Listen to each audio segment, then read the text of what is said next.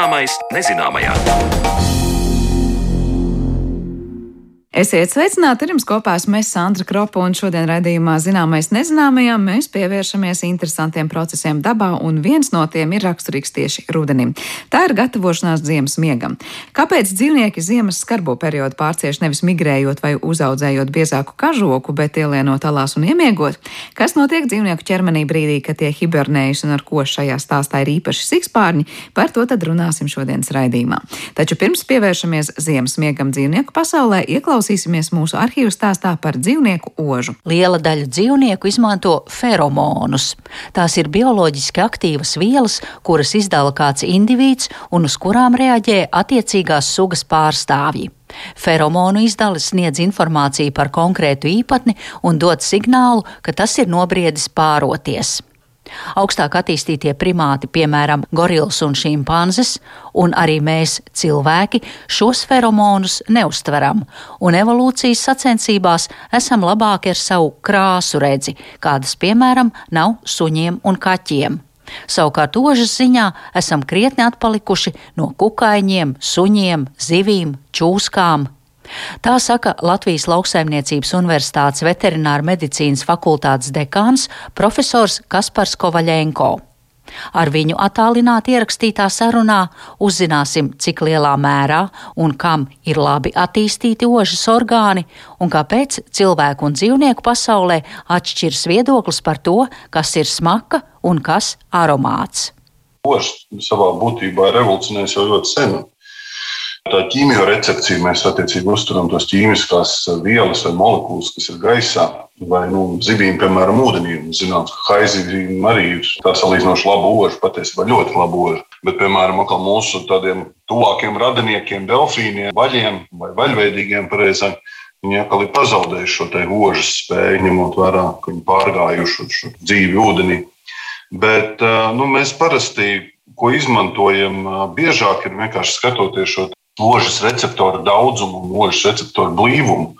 Un, uh, mēs zinām, ka ložas receptori ir izvietoti degunā. Un, piemēram, cilvēkam uh, to ir apmēram 5 miljoni. Tad mēs zinām, ka suņiem, piemēram, šie ložas receptori var būt līdz pat 300 miljoniem. Suņiem, kas apveltīti ar tādu labāku ožu, tā saucamiem pēdziņiem vai pēdu asins suņiem.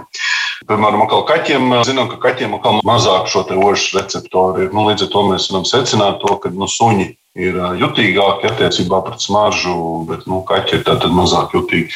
Bet nu, no tādiem dzīvniekiem, kas mums Latvijā mīt, pagaidām jāsaka, tā nelielā daudzumā tie ir lāči, kas ir vislabāk apveltīti ar rožu, un tie var ļoti lielā attālumā sajust maitu, ko viņi izmanto arī par savu kā barību. Tāpēc uh, uzskata, ka lāčiem ir pat piecas reizes labāk koža nekā suņiem. Tad mēs ļoti labi reaģējam arī uz šo pūstošās gaļas smaržu. Mums viņa gan izraisa tādas nepatīkamas sajūtas. Bet uh, dzīvniekiem, kas šādu kritušu dzīvnieku vai pūstošu dzīvnieku patērē savā uzturā, tas viņam liekas kā pats garšīgākā smarža. Tā kā mums tikko iztekta cepuma vai kūka. Nu, tā tā daba ir iekārtota, un uh, mēs neko izdarīt nevaram šajā sakarā. Interesanti, ka ir pagājuši gadu tūkstoši, kopš cilvēks ir domesticējis suni, kaķi un zirgu, bet tomēr atšķirībā no dzīvniekiem mums tik krasi atšķirs tā smaržu un smaku uztvere. Nu, kāpēc tam mūsu sunim tik ļoti patīk izvārtīties tieši aromāta dēļ, maitā vai cita dzīvnieka ekskrementos? Nu, vispār jau par dzīvniekiem skatām, par gaļādājiem. Gaļādājiem vispatīkamākā smarža, vai, nu, principā pēc būtības, nu, kā arī viņi evolucionāri tam paredzēti, viņiem šī gaļas smarža, medījuma smarža, tā viņiem liekas ļoti pievilcīga. Bet vispār, kā man suņiem, pievilcīgi liekas arī vaniļas smarža, arī kokosas smarža viņiem liekas nu, patīkama un pievilcīga. Suņiem ļoti patīk arī nu, jāsaka, citu suņu, tīpaši pretējā dzimuma smarža, jo dzīvniekiem, atšķirībā no nu, pārējiem dzīvniekiem, atšķirībā no cilvēkiem, ir šī spēja sajust arī feromonus. Ir tāds um, vomeru nazālais kanāls un vomeru nazālais aparāts, kas atrodas šajā te, um, reģionā starp muti, cietām augslējām un degunu. Un, attiecīgi, varat, esat redzējuši, ka zirgi, piemēram, vai govis atliec augšlūpu un tā kā mēdās liekas. Tā ir patiesībā šo dzīvnieku mērķis viņiem šajā te, nu, jāsaka, mēdīšanās epizodē ir ievilkt gaisu caur šo vomeru nazālo kanālu. šis vomeronazālais aparāts var sajust smaržu un īpaši šos feromonus sajūt šajā aparātā. Cilvēkiem šis kanāls dažiem ir saglabājies, bet viņš ir tāds arhaisks, mūsu evolūcijas palieka. Bet mēs, nu, diemžēl, šos feromonus, pretējā dzimuma feromonus nespējam sajust. Bet, nu, jā, zirgiem, suņiem, kaķiem šādas spējas ir, un viņi nu, arī to diezgan labi izmanto. Un arī citas smaržas īstenībā uztver šis vomeronazālais aparāts. Tas ir tāds interesants, tāda evolūcionāla lieta, ko mēs esam pazaudējuši. Bet, piemēram, kaķiem atkal, kas ir interesanti, kas viņiem tāds, nu, varbūt ļoti patīkams smarža ir šie, te, nu, varbūt ir dzirdējuši par baldriāņiem vai kaķu mētra.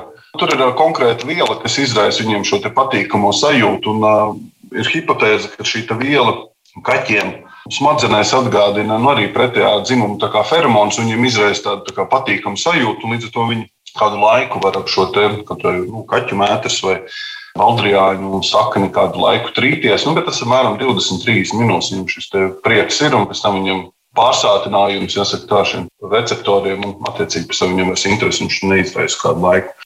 Jūs pieminējāt, ka labākā oža ir tieši dzinējsuņiem. Vai tas ir izskaidrojams ar šo suņu deguna uzbūvi? Tāds taksis labāk uzož pēdas nekā buldogs vai mopsis, kuriem ir plakans purns. Ir īstenībā milzīga starpība starp suņu šķirnēm. Ir, nu, protams, daudz suņu šķirnes, kas ir nu, paredzētas vairāk medībām un pēdu dzīšanai. Tās ir nu, mērķiecīgi selekcionētas, atlasot individus, kuriem ir labāk šīs smaržas sajūtas vai labāk sajūta šo smaržu. Un, eh, protams, jo arī lielāks deguns patiesībā, un jo vairāk šo receptu, notiecīgi, jo lielāks deguns, jo vairāk vietu, kur izkārto šos receptorus izvietot. Attiecīgi, laukums lielāks, un attiecīgi arī dzīvnieks vairāk šo smaržu var uztvert. Un tāpēc eh, šiem suņiem, kas parasti tiek izmantoti smaržu meklēšanai, parasti arī šie deguni ir lielāki. Mēs neesam redzējuši, ka ir boxeri, kāds izmanto pēdu dzīšanai. Nu, viņš tam nav paredzēts. Deguns ir īss, receptori ir mazāk, jušanas spējas arī mazāk. Bet suņiem arī ļoti varēja. Pat īstenībā vienas šķirnes ietvaros ir diezgan liels variācijas arī receptoru daudzumā.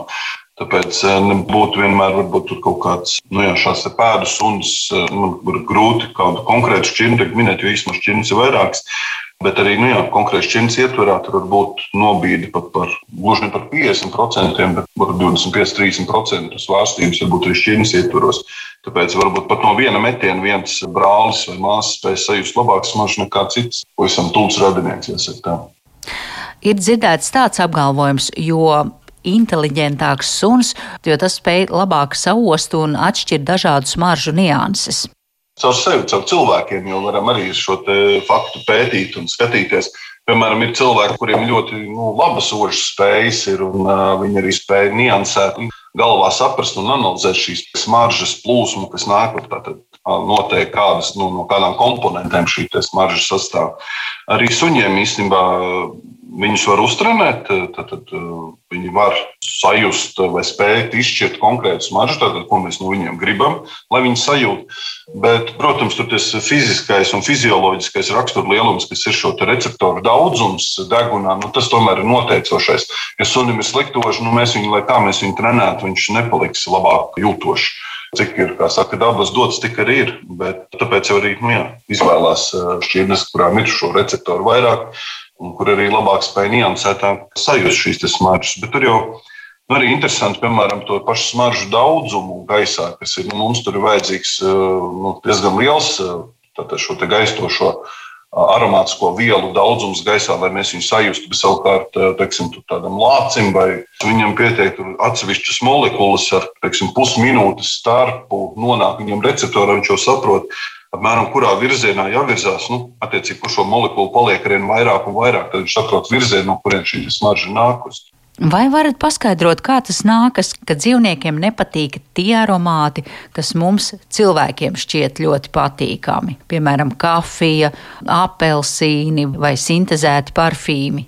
Nu jā, citrus vispār gan kaķiem, gan suņiem citrus liekas kaut kas nebaudāms. Galvenokārt tāpēc, ka ļoti spēcīgi šīs gaistošās aromātiskās vielas citrusos, pārāk daudz viņas tāpat arī smaržām un dezodorantiem. Nu, suņiem tas viss principā, pārsātina šos receptorus, un rezultātā viņam ir nu, traucējoši. Nu, tas tā kā mums būtu ļoti, ļoti spēcīga smarža. Nu, nu, kaut kā tā paša pūstošās gaļas smarža mums liekas ļoti nepieņemama un nesaprotama. Bet sunim tas liekas pilnīgi normāls. Viņam kā šanēli ir, un viņš viņā izvērtās. Tas noslēdz viņa smaržu, un priekš citu suņu varbūt viņš smaržos daudz patīkamāk nekā, nekā pirms, pirms viņš ir izvērties. Saimniekam, protams, pretēji. Bet te jau runa ir par daudzumu, jo ja mēs paši sasmaržojamies ar mūsu iecienītākajām smaržām, bet ja tās ir par daudz, eh, tad tas aromāts ir nomācošs. Jā, atsevišķos gadījumos ir smaržas daudzums, protams, kas nosaka to pārkāpumu. Bet bieži vien ir arī nu, tam pašam citrusam, ir tas, ka vienkārši tas citrus tik spēcīgi piesaistās pie receptoriem, ka sunim traucē dzīvot. Jāsaka, tā.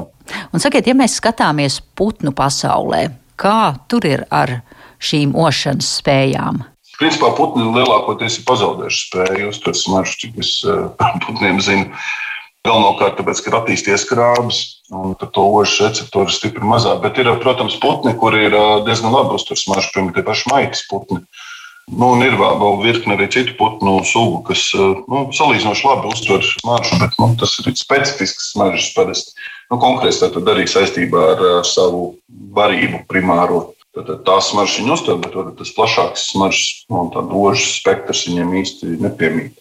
Ja skatāmies par deguna garumu, tad, kā jau dzirdējām, suņu piemērā, jo tas ir garāks, jo labāk ir spēja uztvert aromātus. Un tāpēc arī ziloņi ir ierindoti pasaules labāko ošņātāju sarakstā.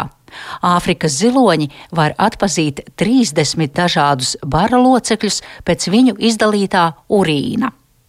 Un Kaspars Kovaļenko turpina vēl par citiem savvaļas dzīvniekiem, kuri ir apveltīti ar labu ožu. Čūskām ir arī ļoti laba oža, un viņas arī izmanto šo bombuļu nazālo aparātu, lai pasauli tvērtu galvenokārt caur savu muti un noscītu nedaudz ar degunu. Bet, principā, jā, tā oža jau ir, nu, kā mēs zinām, piemēram, tās pašas haizies, un mēs skatāmies evolucionārajā kokā, viņas ir stipri senas un senākas par zivīm. Tad, ja mēs saprotam, ka tā oža ir bijusi īstenībā jau evolucionāri ļoti sen, un tad ir daudz dzīvnieku sugas, kurām šīs oža ir bijusi nepieciešama, viņas varētu orientēties vidē un izdzīvot. Un daudzām sugām vienkārši tā īsti nekāda funkcija nepilna. Līdz ar to šī oža ar, laiku ir pazeminājusi, nu, vai funkcija vai nozīmība ir šajās dzīvnieku sugās pazeminājusies. Līdz ar to, nu, kā jūs minējāt, dažas, piemēram, putnu sugas ir spējīgas uztvert, bet lielākā daļa putnu sugu tomēr uh, ožu neizmanto savai uztverei, izmanto redzi, piemēram. Piemēram, arī dzīvniekiem, kuriem ir, pieņemsim, traucēta redze vai nu, principā akliem dzīvniekiem, viņiem bieži vien viņi diezgan labi spēja arī vidē orientēties, izmantojot ožu. Jo ožai ir raksturīgs tas, ka viņai ir kaut kāda virziena, var noteikt jau pēc molekulu daudzuma vai pēc ožas intensitātes, attiecīgi, lai saprastu, kurā virzienā atrodas saimnieks vai kurā virzienā atrodas ēdiens. Viņi diezgan labi spēja noteikt šo virzienu. Arī mēs īstenībā ļoti labi saprotam, no kuras puses nāk, mums patīkam vai nepatīkam smarža. Mēs arī varam tas notiek neapzināti un zemapziņā, bet bieži vien mēs diezgan labi spējam šo virzienu uztvert. Par citiem dzīvniekiem runājot, par tiem pašiem kukaiņiem, arī kukaiņiem ir spēja uztvert smaržu daudziem kukaiņiem. Jāsaka, tā, piemēram, tos pašas kodas. Mēs zinām, izmantojam šīs kožu lamatas, kuras satur feromonus, un attiecīgi kožu dēviņiem tas parasti izraisa ļoti lielu interesi. Tāpēc viņi tur arī salīdz smuki tajās lamatiņās. Bet, nu, jā, kodas galvenokārt, vai vispār kukaiņi galvenokārt dzīvo tādā feromonu pasaulē. Viņi uztur citus kukaiņus, izmanto šo feromonu signālus.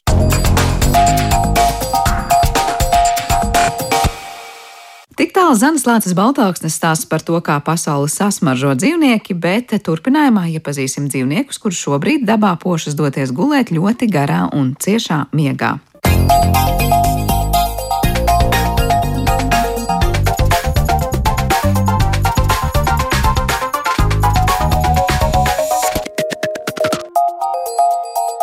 Zināmais nezināmajā. Ierušināties alā un aizmigt līdz pavasarim. Tāda ir izdzīvošanas stratēģija daudziem dzīvniekiem, kuri sastopam mūsu ziemeļdabā. Šī ilgā gūļa ir ļoti interesants un neparasts process, par kuru vēl daudz zinām un arī pētāma. Kas notiek hibernācijas laikā dzīvnieku organismā un kur savu lielo ziemas gulēšanu aizvada dzīvnieki mums apkārt, par to mēs šodien runāsim ar mūsu studijas viesiem. Latvijas Valsts meža zinātnes institūta Silau pētnieku un bioloģijas zinātņu doktoru Jānu Ozoliņu. Labdien! Labdien! Kā arī Latvijas Universitātes Bioloģijas institūta pētnieku, bioloģijas zinātņu doktoru un sikspārņu ekspertu viesturu Vintulu. Labdien! Labdien! Nu, sākšu laikam, Jāna, ar jums, nu, kuri šobrīd no dzīvniekiem varbūt jau guļ, ir devušies gulēt vai pošās gulēt ziemas miegā?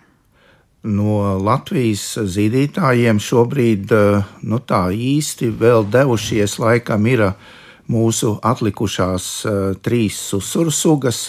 Bet nu, arī iespējams, ka tur, kur piemēram dzīvo visretākais mūsu meža uzsvars, ka tā ir dienvidu latgale, ka tur vēl ir gana silts un varbūt viņš vēl nav līdz galam saposies. Nu, pārējie par tiem sikspāņiem tad viestur zinās. Bet eh, pārējie tā īsti vēl nav sagatavojušies. Varbūt meža siciste, tas uh, nu, lēcēji pelēji līdzīgais mazais zvēriņš, ko visdrīzāk nu, neviens mēs, es gan laikam vienreiz esmu redzējis, bet tā īpaši bez ķeršanas neviens neesam redzējuši. Arī tas būs aizdevies gulēt, jo šis dzīvnieks iemiegot tādā pagaidu miegā arī uz dažām nedēļām, kad vasarā paliek augstāks laiks vai, vai pavasaris ir vēsāks. Tā kā nu jā, šobrīd eh, tas meteoroloģiskais uh, rudens ir iestājies jau diezgan saulaicīgi, un iespējams, ka šis zvēriņš arī jau, guļ. jau ir sapratis, ka ir jāguļ. Jā. Bet tāda īstā, nezinu, došanās ziemas guļā, tā tad patiesībā ir vēl vēlāks laiks. Nu, kas ir tas tipiskākais laiks, kad es nezinu, rēžēju vai vēl kāds cits dodas gulēt? Nu, tāds vispārējais hibernācijas laiks zīdītāju faunai ir nu jā, no oktobra vidus vai beigām līdz aprīļa eh, arī vidum. Bet uh, tur ir ļoti sugām specifiski. Mums ir tie īstie ziemas gulētāji, kas tiešām rauj pilnu termiņu. Un tad ir tādi, kas reizēm arī atkuršņa laikā, siltākos periodos, ziemā kļūst aktīvi. Uh, Nu, tur būtu jāiet cauri sistemātiskām jā. grupām. Jā. Nu, katrā ziņā tas lielais gulēšanas laiks, oktobra beigas, aprīļa sākums ir tas, kurā nu, liela daļa dzīvnieku tomēr dodas gulēt. Par sikspārņiem runājot, viestur, kā ir šobrīd ar sikspārņiem, ko tie dara? Nu, tiem arī tā apmēram līdzīgi ir, ka viena daļa šobrīd jau sāk domāt par ziemošanu un sāk parādīties te ziemošanas vietās jau tā uz palikšanu Nu, faktiski viņi ar septembra beigām pirmie var tā būt, bet arī viņi, nu, tad, ja, ja uznāk kaut kāda siltie periodi, var gadīties, ka viņi vēl izkustās un kaut ko pabarojās, izmanto laiku, ka, ka vēl kukaiņi pieejami. Bet, nu jā, tad, tad, kad, tad, kad sāksies nu, tādi, tādas augstākas naktis jau nu, vien vairākas nu, augstas sakas pēc kārtas, un tad, tad tā nopietni viņi domās par iešanu alās. Un, un dažas sugas mums vispār iet tikai tad, kad jau tāds pastāvīgs sals iestājās, tad viņi tikai salien. Jā, kad jūs teicāt, kāds sāks domāt, tas vairs paliks augstāks. Kas ir tas nezinu, termometrs, stabiņa atzīmes punkts, kurā daudziem dzīvniekiem nu jau ir pietiekoši augsti, lai dotos vai domātu par došanos ziemas miegā? No sikspāņiem tas rādītājs ir tad, ka nav vairs kukaiņu, ko ēst. Jo, jo, jo ja nav vairs kukaiņu, viņiem vairs, nu, tad viņi patērē vairāk enerģijas lidošanu, nekā viņi, nu, teiksim, viņi, viņi vienkārši vairs nevar viņu atjaunot, un līdz ar to viņiem nekas cits neatliek kā, kā, kā gulēt. Tas, viņi arī vasaras laikā, teiksim, nelabvēlīgos periodos var pagulēt kādu laiciņu. Tā kā, nu, tas ir kukaiņa tas rādītājs. Un vispār jau skaitās, ka sikspārņiem nu, kaut kāda zem, zem plus 6, zem plus 10 tās temperatūras jau ir tādas, kur jau daudzas sugas jau, jau nespēja atrast sev, sev pietiekamu varību.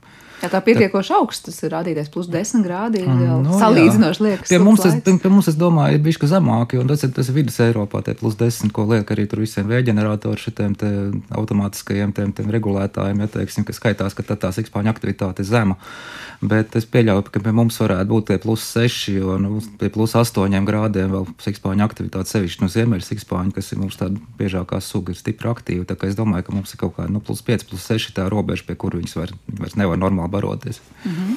Kā ar citiem dzīvniekiem, ir kāda temperatūra, pie kuras vairums jau tā kā saprot, ka tur nav ko, nav ko meklēt dabā vairāk? Nu, es gribētu vēl piebilst, ka faktiski temperatūra nav vienīgais tāds ārējais signāls, kas rosina to miegainību un uh, došanos ziemas guļā. Jo faktiski jau tām sugām, kas uh, ir tie ziemas vai nu snaudē vai gulētāji, uh, viss tas dzīves cikls jau, nu, varētu teikt, gandrīz līdz ģenētiskajam līmenim ir ieprogrammējies tā, ka saīsinoties uh, diennakts uh, gaišajam periodam, un uh, atkal otrādi, nu, protams, tur vēl visādi citādi kosmosa signāli iespējams, ka tiek saņemti, kuri pat līdz galam nav izpētīti. bet šīs pārmaiņas starp ziemas un vasaras un pārejas periodu, tiem gaismas tumsas periodiem arī ir ļoti būtisks tāds signāls līdzās temperatūrai. Un nu, pat tiem zīdītājiem, kas šo signālu nesaņem, nu, kaut kādos eksperimentos, nu, tagad mēs tos eksperimentus aizvien vairāk nosodām, bet tāpat viņi ir ilgstoši notikuši un vēl jau drusku arī turpinās, ir noskaidrots, ka nu, kaut kādā ārēju signālu ietekmē viņi nojauš, ka tas ziemošanas periods sākas. Un te, piemēram, interesanti ir nu, tāds varbūt īsa atkāpe tieši par vienu, kurš gan nav īstais hibernācijas piemērs, bet Bruno Lāci. Es esmu dzirdējis, ka cilvēki domā, ka tagad, sākoties klimata pārmaiņām, paaugstinoties tai vidēji diennakts temperatūrai, lāči vairāk negulēs un mums būs papildus problēmas bet uh, daļēji tas var būt, varētu būt saistīts ar kaut kādiem nepieaugušiem, uh, nenobriedušiem lāčiem. Vai tēviņiem, vai varbūt pietiekoši nepabarojušamies lāčiem, bet uh, lāču mātītēm ir ziemas guļa tik cieši saistīta ar vairošanās procesu, uh, ka viņš vienkārši suga bez tā nevar pastāvēt. Un, un tāds labs piemērs ir, ka lāči dzīvo arī Spānijā, Grieķijā, Kaukāzā, apvidū.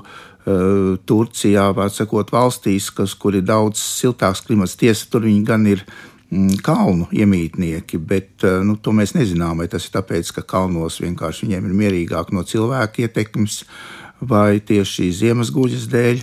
Bet jā, tas ļoti cieši savijies ar vairošanos. Lāču gadījumā, tad es atceros, man liekas, jūs to savulaik šajā raidījumā arī stāstījāt, ka tieši ziemas guļas laikā lācens patiesībā laiž pasaulē. Mazlies. Jā, tur jau ir tas sāls, kāpēc tas tā ir. Un, nu, tā suga vienkārši tāda evolūcijas ceļā ir izveidojusies, ka uh, ir vajadzīgs miera periods, tā hibernācija. Šī gadījumā tā ir daļēji hibernācija, jo kaut kādas maņas un, un dzīvības funkcijas lācis tiešām saglabā arī ziemas guļas laikā, bet tajā pašā laikā, pašā ziemas vidū, janvārī, dzimst jaunā paudze. Bet kā sanāk, lācene ir pilnīgā miegā tajā laikā, un tad, kad piedzimst mazulis, viņa ir pamodusies un gatava par to mazuli rūpēties, vai kā tas ir? Tās rūpes ir tādas instinktīvas un nav apzinātas līdz uh, ziemas nu, nogalēji pavasara sākumam. Tad jau, kad uh, lācēni izdod skaņas un, un Ehm, tā mamma var sazināties un tā, bet tas, tas pirmais mazulis, tiešām, kas tikko nācis pasaulē, viņš ir ļoti nevarīgs un uh, nespēcīgs. Un, uh, nu, tas arī saistīts ar to, ka lāča mammai tā miga ir vajadzīga un, un vajadzīgs miers tajā laikā, un ja tas tā nav, tad, tad tas mazulis tiek pilnīgi neapzināti pamests. Tā, tā mamma var pamosties un aiz, aiziet vai aizbēgt prom, pat nezinot, ka viņai tāds mazulis ir. Bet, sanāk, mazulim piedzimstot, pats pašas pirmās, es nezinu, dienas, nedēļas vai kā, ir laiks, kurā viņš vienkārši ir pie mammas, lai gan mamma joprojām ir ziemas miegā. Jā, tieši tā, mamma ir joprojām ziemas miegā, bet eh, nu, tā neapzināti, ja tā var teikt, pa dzīvnieku viņu silda un baro ar pienu. Jā, cik interesanti. Tiešām vismaz lāča noteikti evolūcijas ceļš ir aizvedis tik tādām neparastām lapusēm, bet nevēl piesaucāt citas zemes teritorijas, siltās Grieķijas, Spānijas, Itālijas krastus un uh, kalnus. Gribēju vaicāt, vai ziemas miegs ir arī šajās teritorijās, vai tas ir kaut kas izteikti raksturīgs tikai Ziemeļa Eiropā un Ziemeļa Eiropas dabā. Mazliet jau atbildējāt par tiem kalniem un lāčiem, bet kā ar citiem dzīvniekiem tur?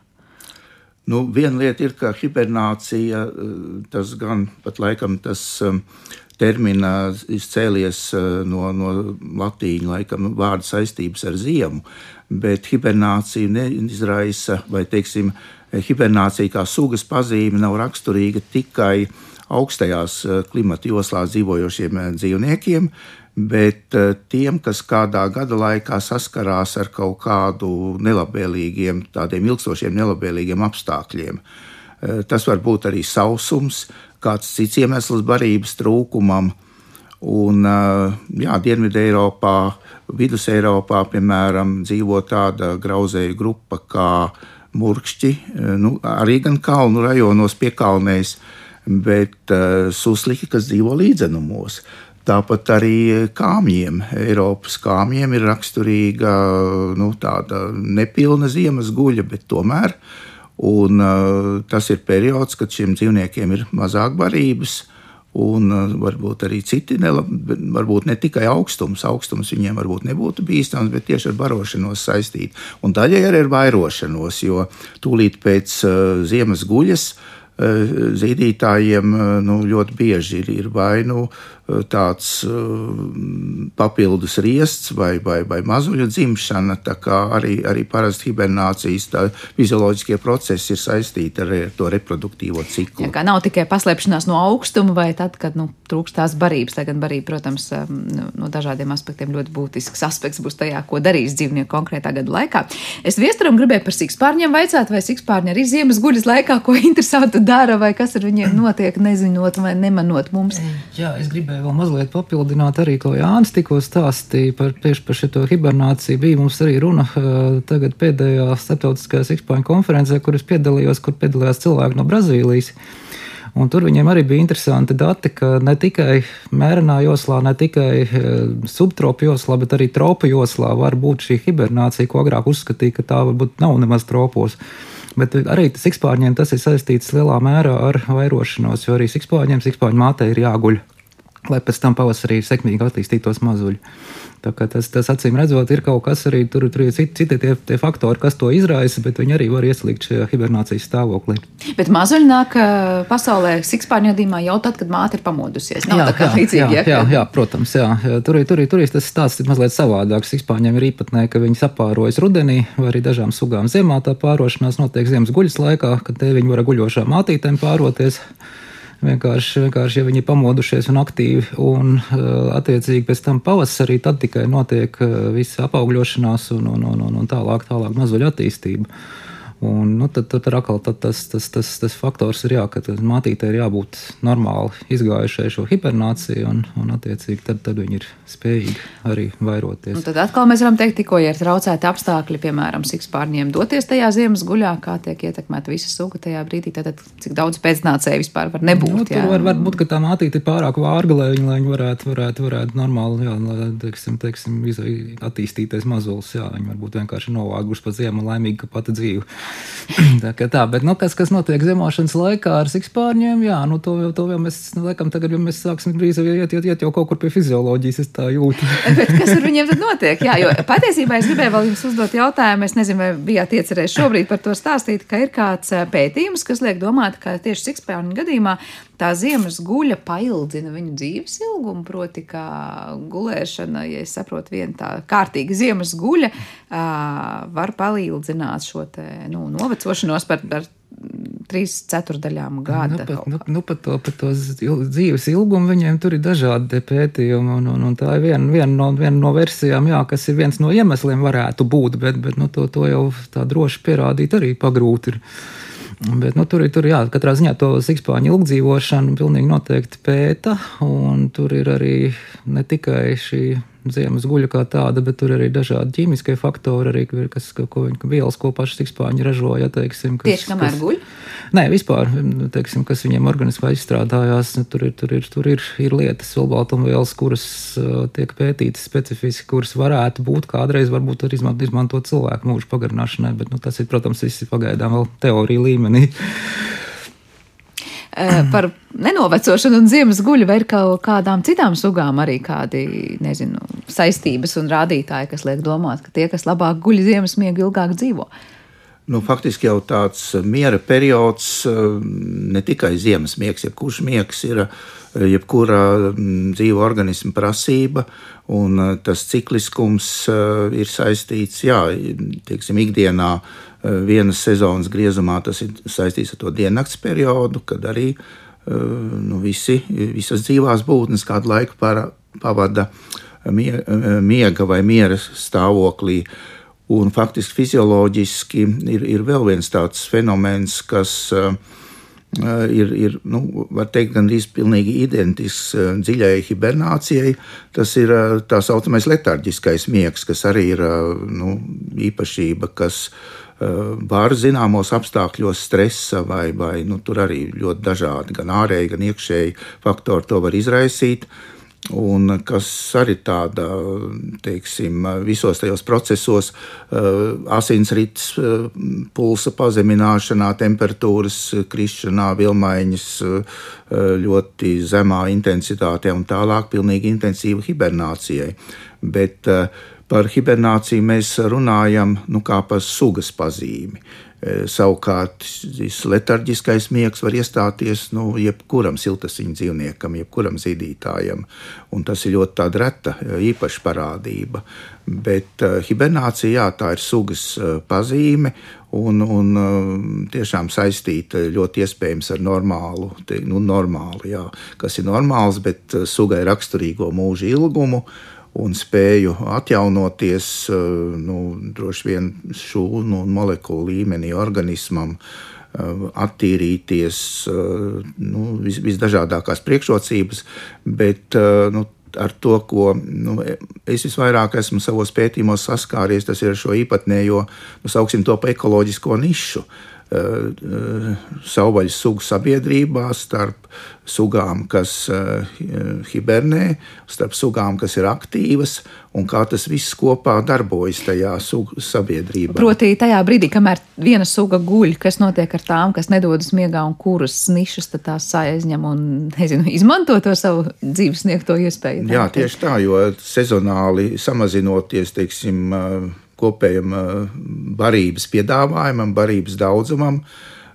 Protams, tām sugām arī nu, tās iespējas iegūt to barību un, un, un veidot to savu ikdienas dzīvi ļoti samazinās. Un, un tad kaut vai tie paši plēsēji, nu labi, lācis ir Es atkal atgriezīšos pie sevis mīļākās zīdītāja kārtas, pie plēsējiem. Lācis ir ziemas snaudējs, janots suns vēl, kas nu, labi, mūsu faunā ir sveša suga, bet arī ir ziemas snaudējs. Āpsis ir izteikts ziemas snaudējs.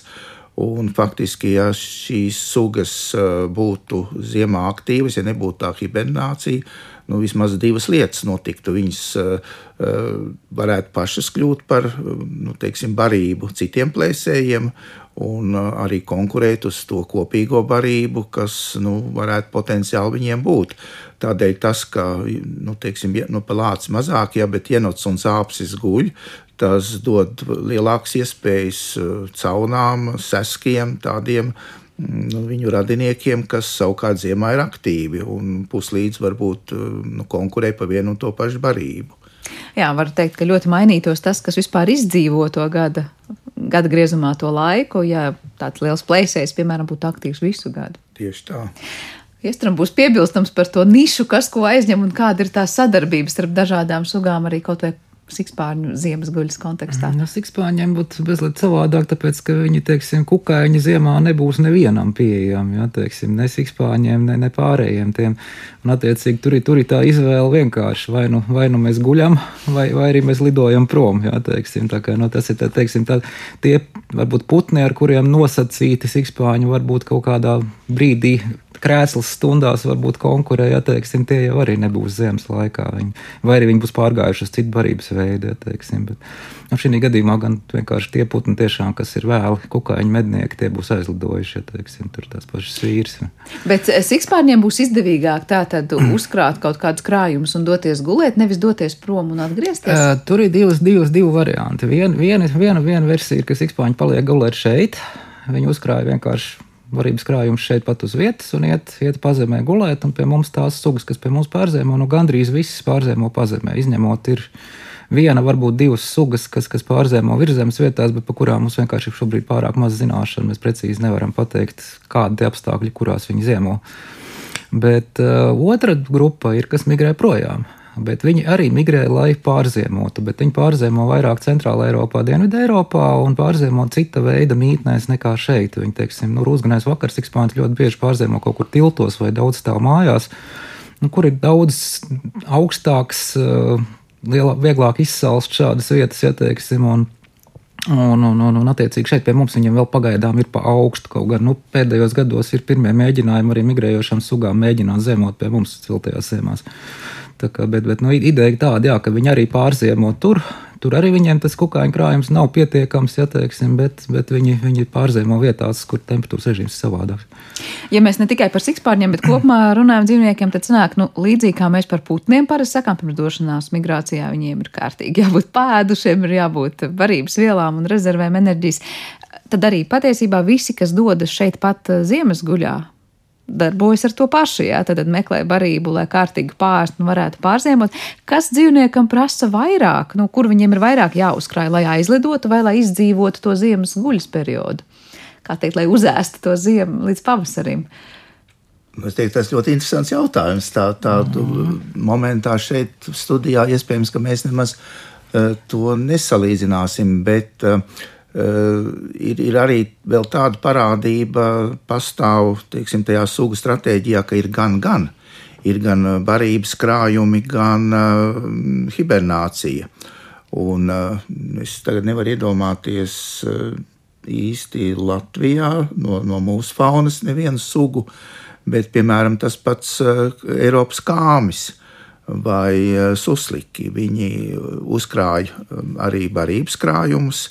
Nu, uz tādas robežas varbūt pie mums ir eh, drusku bebri, bet viņi noteikti nehibernē, viņi, viņi ir aktīvi, bet arī ļoti mazkustīgi. Un, un faktiski, ja viņam ir tie ziemas krājumi, viņš nu, tikai ēd un, un, un tas, tas diennakts gulēšanas periods viņam ir daudz garāks. Uh, Bet, bet uzkrāt nevis kā tauku rezervēs, bet kā reāli. Tieši tā, à, tieši jau, tā kā barības mm. rezerves. Jā, kāmjiem tie ir tur sēklas, kaut kādas augu virzemes daļas, viss kas tāds.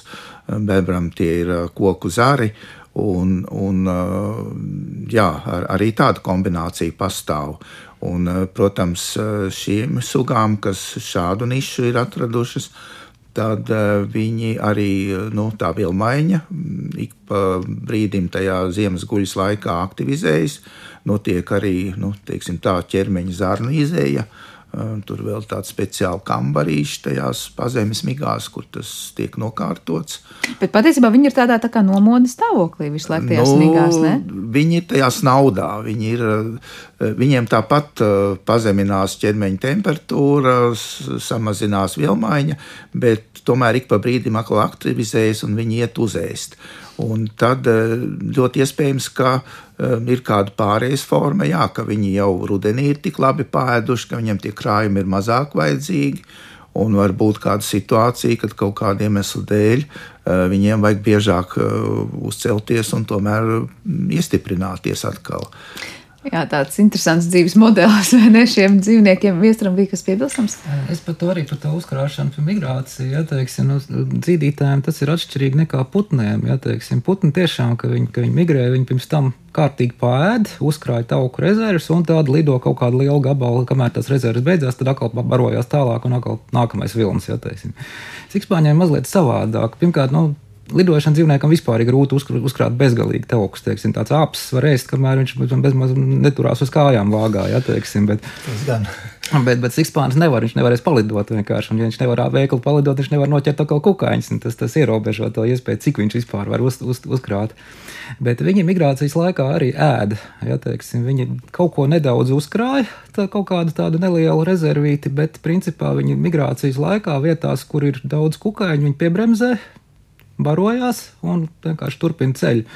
Un to mēs arī novērojam migrācijas pētījumos, arī, kad papēkam, ka mēs viņus uzskaitām, kad arī naktīs, kad ir ļoti daudz kukaiņu, tad, tad nu, nepārtraukti dzirdams, ka migrē, migrējošie sikspāņi vienkārši garām lidojot, nepārtraukti barojās un arī noķerot viņiem kukaiņa mutē. Ja, teiksim. Tā kā, nu, tas, tas, tas viņiem notiek arī tādā ceļā, jā, teiksim, ka viņi ceļa, ceļa laikā, vienkārši lidošanas laikā, aktīvas migrācijas laikā vienkārši ēd pa ceļām. Bet tie, kas dodas ziemas guļā, viņi tad, kad aizmieg, tad guļ vai arī pa laikam tur viņi uzēd? arī, viņi arī mēdz pamosties, bet viņi nēd. Nu, jā, viņiem, viņiem vienkārši nav ko ēst. Viņi, viņi var padzerties. Tas gan var būt, jā, ka, nu, teiksim, sevišķi kaut kur alālās, kur ir avoti, tur, tur viņi var, var padzerties arī. Uh, Bet nu, viņiem ir tā, ka viņi laiku pa laikam paši pamostās. Viņi ir ierēķinājuši, cik viņi var atļauties pa ziemu pamosties. Ja, teiksim, no, tas arī atkarīgs no tā, cik viņiem ir tās, tās uzkrātās rezerves. Ja, teiksim, ja viņam ir vairāk tās rezerves, viņš var atļauties biežāk mosties. Ja viņam ir mazāk tās rezerves, tad viņam ir jāguļ augstākā temperatūrā, lai, lai pēc iespējas mazāk vilmaiņu un, un, un jātaupa, ko vien var. Bet, bet no ideja, jā, ka, ka teiksim, nu, arī, tā arī tās sugas mums arī atšķirās. Dažas ir tādas, kas ir diezgan arī kustīgas ziemas laikā. Ziemeļs ikspāns, piemēram, jā, kas ir tādas nu, vissalcietīgākā, viena no mūsu salcietīgākajām sugām, arī kas zemo piemāja pagrabos. Iespējams, ka viņš tāpēc arī zemā pagrabos, ka viņš pats jau bieži mostās un viņš īpaši neņem galvā, ka tur cilvēks staigā. Un, un, un, un savukārt ir citas sugas, kuras reizēm guļ arī kaut kāds divus mēnešus vispār bez pamošanās. Ja, teiksim. nu, tur gan arī jāsaka tā, guļ un hibernācija gluži nav viens un tas pats, jo principā sikspāns var būt šajā hibernācijas stāvoklī, bet viņš var būt nomodā. Tad mēs nonākam jā, pie tā jautājuma, ko vajadzēja precizēt. Tad ziemas guļa nav vienkārši dziļš miegs. Tas ir kaut kas citādāk. Tad, tad eh, dziļa miega laikā mums nenotikt visas tās pārmaiņas ar vielmaiņu un temperatūru, vai, vai cik ļoti tās izmaiņas tur būtu tomēr fiksējamas iestur. Nu, jā, tas, tas tā būtu. Jā, ka nu, mieg, miegs vienkārši ir miegs. Jā, nu, vienkārši, vienkārši atslēdzamies, jā, atpūtinam smadzenes. Jā, teiksim. Šitais te, otrs pasākums, hibernācija, tas ir, kad, kad viss organisms tiek organizēti, mobilizēti tam, lai varētu samazināt vielmaiņu, palēnināt pēc iespējas gulēt augstos apstākļos, pilnīgi nepiemērotos citos dzīves gadu, citos gada laikos, ja teiksim, tas ir pilnīgi cits stāvoklis, ja teikt, fizioloģiskais. Bet tad, kad mēs sakam pamostas kaut vai hibernācijas laikā, tad kas ir tas, kas tos apstākļus izjauc, lai tomēr tas dzīvnieks, lai arī apstākļi joprojām nav piemēroti, pēkšņi pamostos?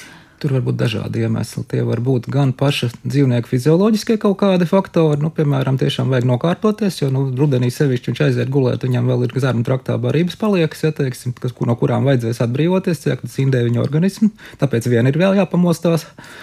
Un nu, arī tie, tie var būt dažādi ārējie faktori. Tas var būt cilvēku traucējums, dažāda veida, gan cilvēku, gan, gan, gan citu dzīvnieku traucējums. Tas var būt arī temperatūras izmaiņas, teiksim, mītnē, ja viņš guļ kaut kur tuvu pie ieejas, uznākot lielam salam, viņam ir jāpamostas jāielien dziļāk, lai, lai siltākā vietā. Mhm. Nu jā, un tad ir tas iekšējais pulkstenis, kas saka, ka nu, ir pavasaris. To mēs pat īsti jā, neprotam izskaidrot, kā piemēram susuri, arī pie mums eh, dzīvojošās sugas, kas eh, ziemo nu, vismaz pusmetru, pat raksta līdz metram dziļi augsnē vai kaut kādās meža tajā nedzīvajā zemesēdzē, kā viņi saprot, ka virspusē ir sācies pavasaris. Bet tas tā tiešām notiek, un, un nu, ļoti iespējams, ka tas ir tomēr kaut kāds iekšējs bioloģiskais pulkstenis, un tas ir tas, tas um, fizioloģiskais modinātājs, kas um, pasaka, ka nu, ir pa augstu, vai pa, pa siltu, vai pa slapju. Tas ir saistīts, protams, ar, ar galvas smadzenēm, ar, ar tādu smadzeņu piedēkli, hipotalāmu, laikam viņi sauca. Un tas dod tālāk signālu uz asinsriti, visām citām teiksim, funkcijām, lai, lai dzīvnieks pamostos. Bet par to pavasara sākumu, jā, tas tāds, tāds nu, tiešām. Neatbildāms jautājums arī pētniekiem. nu, iespējams, jā. Es vēl gribēju. Hipotēzes noteikti, bet ne, ne visu izskaidrojošas. Es tieši gribēju sarunas noslēgumā lūgt izstāstīt, ko pētnieki vēl pēta par hibernēšanos un hibernāciju, kas ir neatbildētie jautājumi, kas ir tas, ko noteikti gribas vēl saprast.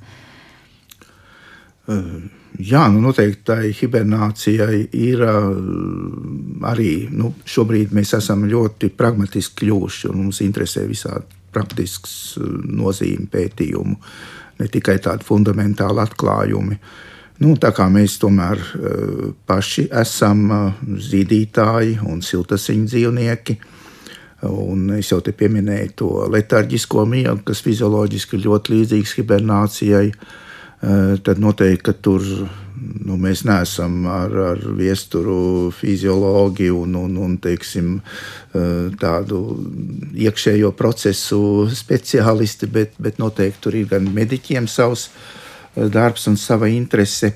Un, um, savukārt, fundamentāli ļoti interesanti ir, jo tā hibernācija, nu, mēs īpaši nebrīnamies par augstasiņu dzīvnieku spēju jau pārciest teiksim, nelabvēlīgus apstākļus, zemes temperatūras.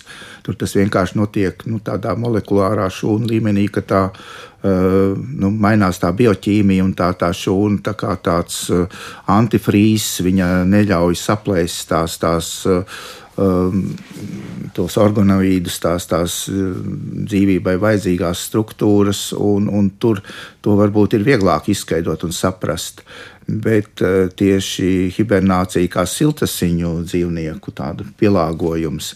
Nu, tā ir nu, ārkārtīgi interesanti, jo faktiski iespējams, ka evolūcionāri tā ir tāda nu, spēja tā atgriezties augstasiņu dzīvnieku pasaulē gandrīz vai uz brīdi. Ja? Uz brīdi jā.